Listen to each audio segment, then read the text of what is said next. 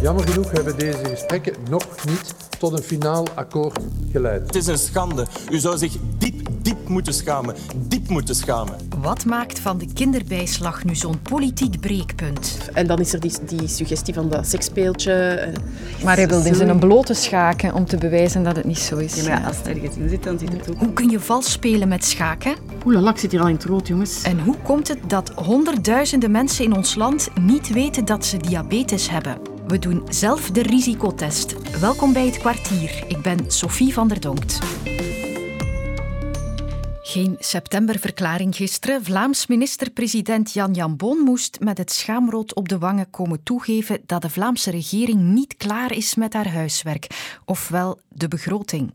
En het grote struikelblok blijkt het kindergeld, tegenwoordig bekend onder de naam groeipakket. Eigenlijk loopt alles nog steeds vast op het zogenoemde groeipakket. Vooral de indexering van het groeipakket, de vroegere kinderbijslag. De onderhandelingen liepen vooral vast op het groeipakket. Als het gaat over het groeipakket. Het zogenoemde groeipakket. Groeipakket. Het woord groeipakket vliegt ons dus rond de oren, maar misschien goed om nog eens op een rij te zetten wat het nu juist is. Collega Sophie praat je bij in één minuut. Het groeipakket is sinds 2019 de nieuwe officiële naam voor het kindergeld. Een bedrag dat mensen met kinderen elke maand krijgen. Vlaanderen, Wallonië en Brussel die hebben elk hun eigen systeem daarvoor, met eigen regels, bedragen en toeslagen. In Vlaanderen bestaat het pakket uit een som geld dat je krijgt bij de geboorte of bij adoptie en een maandelijks bedrag per kind. Daarbij komt ook elk jaar een schooltoeslag en er zijn ook specifieke zorgtoeslagen. De precieze bedragen ja, die hangen af van de leeftijd van je kind. En bovendien maakt het ook uit of je kind geboren is voor of na die hervorming van het kindergeld in 2019. Is dat voor 2019, dan telt ook de plek van je kind in het gezin. Een tweede kind bijvoorbeeld krijgt meer dan een eerste. De bedragen van het groeipakket die worden elk jaar verhoogd met 1%, maar die volgen niet de automatische aanpassing aan de index, zoals dat wel gebeurt bij lonen en uitkeringen. Ik krijg dus ook elke maand zo'n bedrag op mijn rekening en of dat bedrag wel of niet moet meegaan met de index en zich dus moet aanpassen aan het leven dat duurder wordt, in die discussie lijkt de Vlaamse regering zich nu compleet vast te rijden. Het is dus blijkbaar een crisis waard. Ik leg een lijntje naar Michael van Drogenbroek, specialist in alles wat economie en politiek is. Aflevering 22 en Michael van Drogenbroek komt ten tonele. Ze nu aan het lachen. Een beetje maar.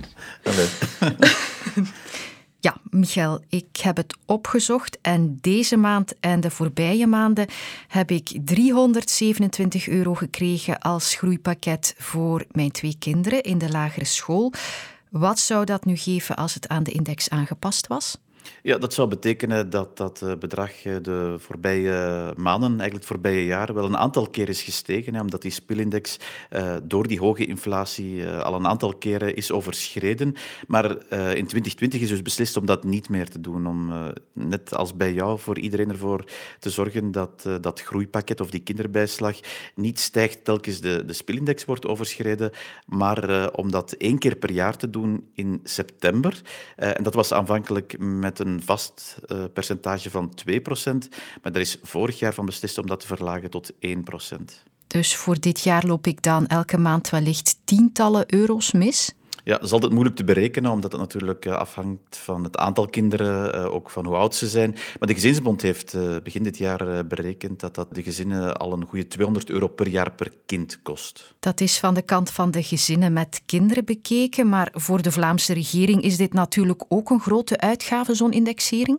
Ja, en daar gaat het uiteindelijk over, die politieke discussie. Want uh, dat, dat koppelen, of dat eventueel koppelen van uh, dat groeipakket aan de spielindex, dat is natuurlijk een, een uh, heel kostelijke zaak. En daarover is, is, ja, is die discussie precies. Is het nodig om dat voor iedereen te doen? Of ga je kijken, want dat is in dat groeipakket ook wel, naar een sociale toeslag voor gezinnen die het moeilijk hebben. Ga je vooral naar, naar hen kijken en hen iets proberen meer te geven. En dan de hamvraag. Waarom maakt CD&V nu zo'n breekpunt? Punt van die indexering van de kinderbijslag? Het is wat moeilijk voor CD&V, omdat CD&V heeft natuurlijk beslist één, om bij het begin van deze regering die uh, koppeling aan de spilindex om die los te laten.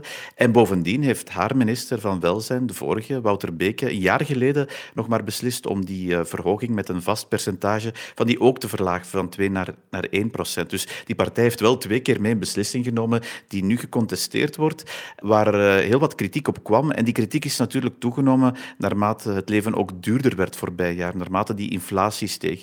En dan zag je wel stilaan bij CD&V dat kantelen. Ik herinner me dat Wouter Beke in het parlement zelf al eens had gezegd, begin dit jaar, van ja, bij de begrotingsbesprekingen, nu dus, gaan we daar wel een punt van maken. Achteraf heeft Benjamin Dalle dat ook wel gezegd en ook Sami Medi toen hij voorzitter werd. En waarom doet CD&V dat? Wel, de partij heeft het moeilijk, heel moeilijk. In elke peiling doen ze het bar slecht. En welzijn is echt hun thema, gezinnen is hun thema. Blijkt uit, uh, uit opiniepeilingen dat ze dat thema ook aan het verliezen zijn aan uh, vooruit. Dus op dat vlak willen ze een punt maken en willen ze eigenlijk terugkomen op, op twee keer een beslissing die ze meegenomen hebben. Een ware intrige houdt de schaakwereld al weken in de ban. Een koning zit in het nauw door een pion, of is het omgekeerd?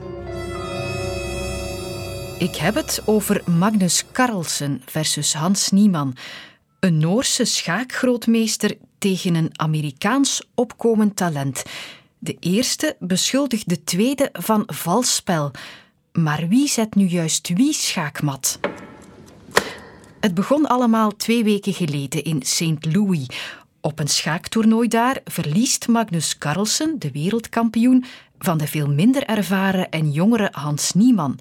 Een dag later trekt Magnus Carlsen zich terug uit het toernooi en hij stuurt een cryptische tweet de wereld in. Hij suggereert dat Niemann vals gespeeld heeft. De schaakwereld staat op zijn kop. Speculaties en hypothetische scenario's tierenwelig. En Carlsen, die voedt de geruchtenmolen nog meer, wanneer hij niet veel later tijdens een online spel tegen Nieman na één zet al stopt. Eén zet met zijn paard en zijn webcam springt af. De online commentatoren reageerden zo. What happened? That's it? Magnus Carlsen just resigned, got up and left, switched off his camera and That's all we know right now. Gisteren dan stuurde Carlsen een uitgebreid statement de wereld in. En daarin zegt hij expliciet dat hij denkt dat niemand vals gespeeld heeft. Maar hoe dan? Daar hebben we nog altijd het gissen naar.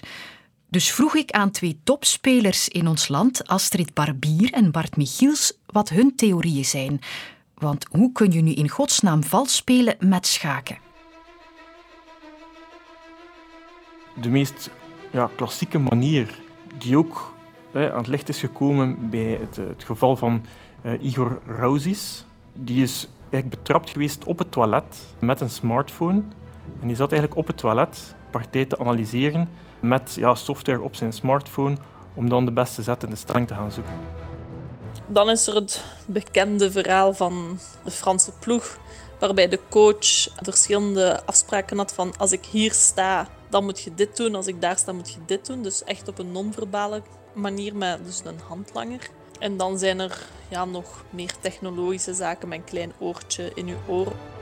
Via een anaal seksspeeltje dat door impulsen signalen zouden worden doorgegeven om op die manier de beste set te spelen. Gaat er dan over dat er iemand anders op afstand de afstandsbediening daarvan heeft.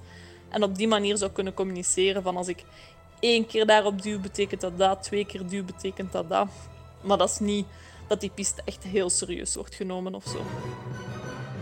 Voor mij is ook koffie te kijken. Ik kan wel zeggen dat er een paar verdachte zaken zijn. De klassementstijging van niemand. De laatste twee jaar is die enorm sterk gestegen op de wereldranglijst. Een andere aanwijzing is toch een beetje zijn vreemde interviews bij de partijanalyse achteraf. Dat hij soms toch een, niet echt een overtuigende uitleg kon geven waarom dat hij een bepaalde toch wel ja, spectaculair zet had gespeeld. Maar dan is natuurlijk de vraag van hoe zeker is Carlsen, want als hij niet 100% zeker is, is hij niemand wel echt zware schade aan het berokkenen. Ja. Goed, het begint met uw leeftijd. Ja, leeftijd invullen. 46. Geslacht. Wat moet ik nog invullen? Um, ja. BMI, op dat tabelletje kijken. Mhm. Allemaal vragen over uh, mijn familie nu. Rook je ook nog wel een belangrijke? Nee, ik rook niet je dagelijks groente en fruit? Ah, ik mag een keer ja invullen. Ja, ik eet dagelijks groente en Goed fruit. zo. Ik heb de 45-plusser in ons podcastteam bereid gevonden om haar risico op diabetes type 2 te berekenen vandaag. Er staat daarvoor een vragenlijst online van de Diabetes Liga.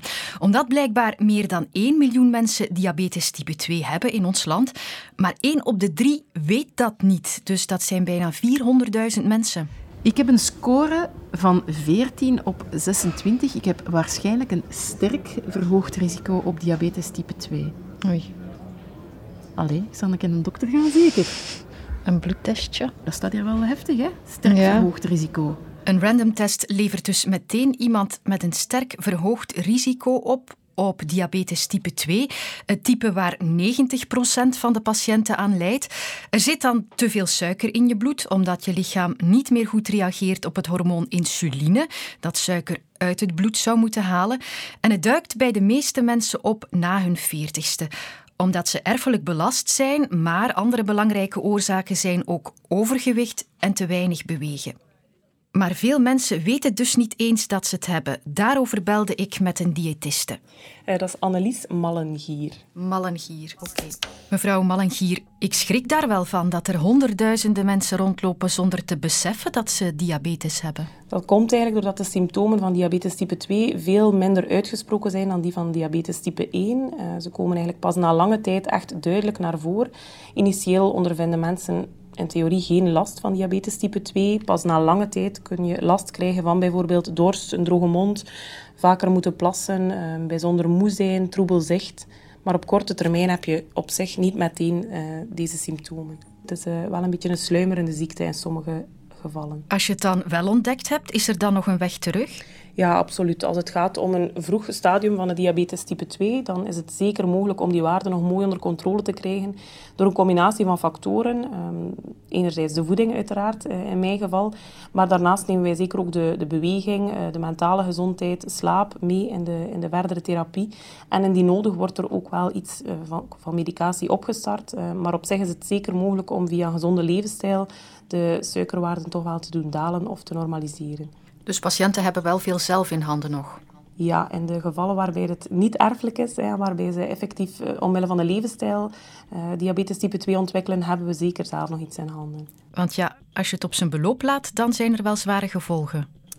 Ja, op lange termijn, als je langdurig hoge bloedsuikerwaarden hebt, dan uh, kunnen eigenlijk vooral de kleine bloedvaatjes in ons lichaam beschadigd worden. Hè. Die, uh, die vinden we onder andere terug in, uh, in de ogen, hè. Van, vandaar ook de symptomen qua troebelzicht. Onder andere ook in de nieren. Dat is iets wat we zeker ook niet voelen uh, qua symptomen. Ook in de voet, de gekende diabetische voet, bepaalde wondjes die moeilijk genezen omwille van uh, de beschadiging van de kleine bloedvaten, maar bijvoorbeeld ook uh, sneller ontstekingen in de mond. Um, dat zijn een aantal gevolgen die zouden kunnen optreden. U ziet de stijgende cijfers ook in uw praktijk, vermoed ik? Ja, we merken wel dat, de, dat het aantal patiënten stijgt. En ik denk dat mensen ook wel steeds sneller hulp gaan zoeken of ook wel um, bereid zijn om, om aan hun levensstijl te werken. Hè. Er, wordt, er zijn veel mogelijkheden qua sport. Uh, er is veel mogelijkheid om je te laten begeleiden op vlak van voeding. Uh, dus ik hoop dat die trend wel toeneemt, dat mensen zich vooral tijdig laten helpen en liefst dan preventief voor de diagnose. Daar hopen we op. Catherine, de diëtist, heeft gezegd, je moet de diagnose voor zijn. Ja, dat is duidelijk, ik heb het begrepen. De doktersafspraak is al gemaakt en bij Leven en Welzijn is er morgen een nieuw kwartier. Luister ook naar Senior Sarens. Daarin duiken Luc Hakens en Achiel van Ingelgem samen met de familie Sarens in het verleden van Jan Sarens, die vermoord werd in Mexico. Nu in de app van VRT Max.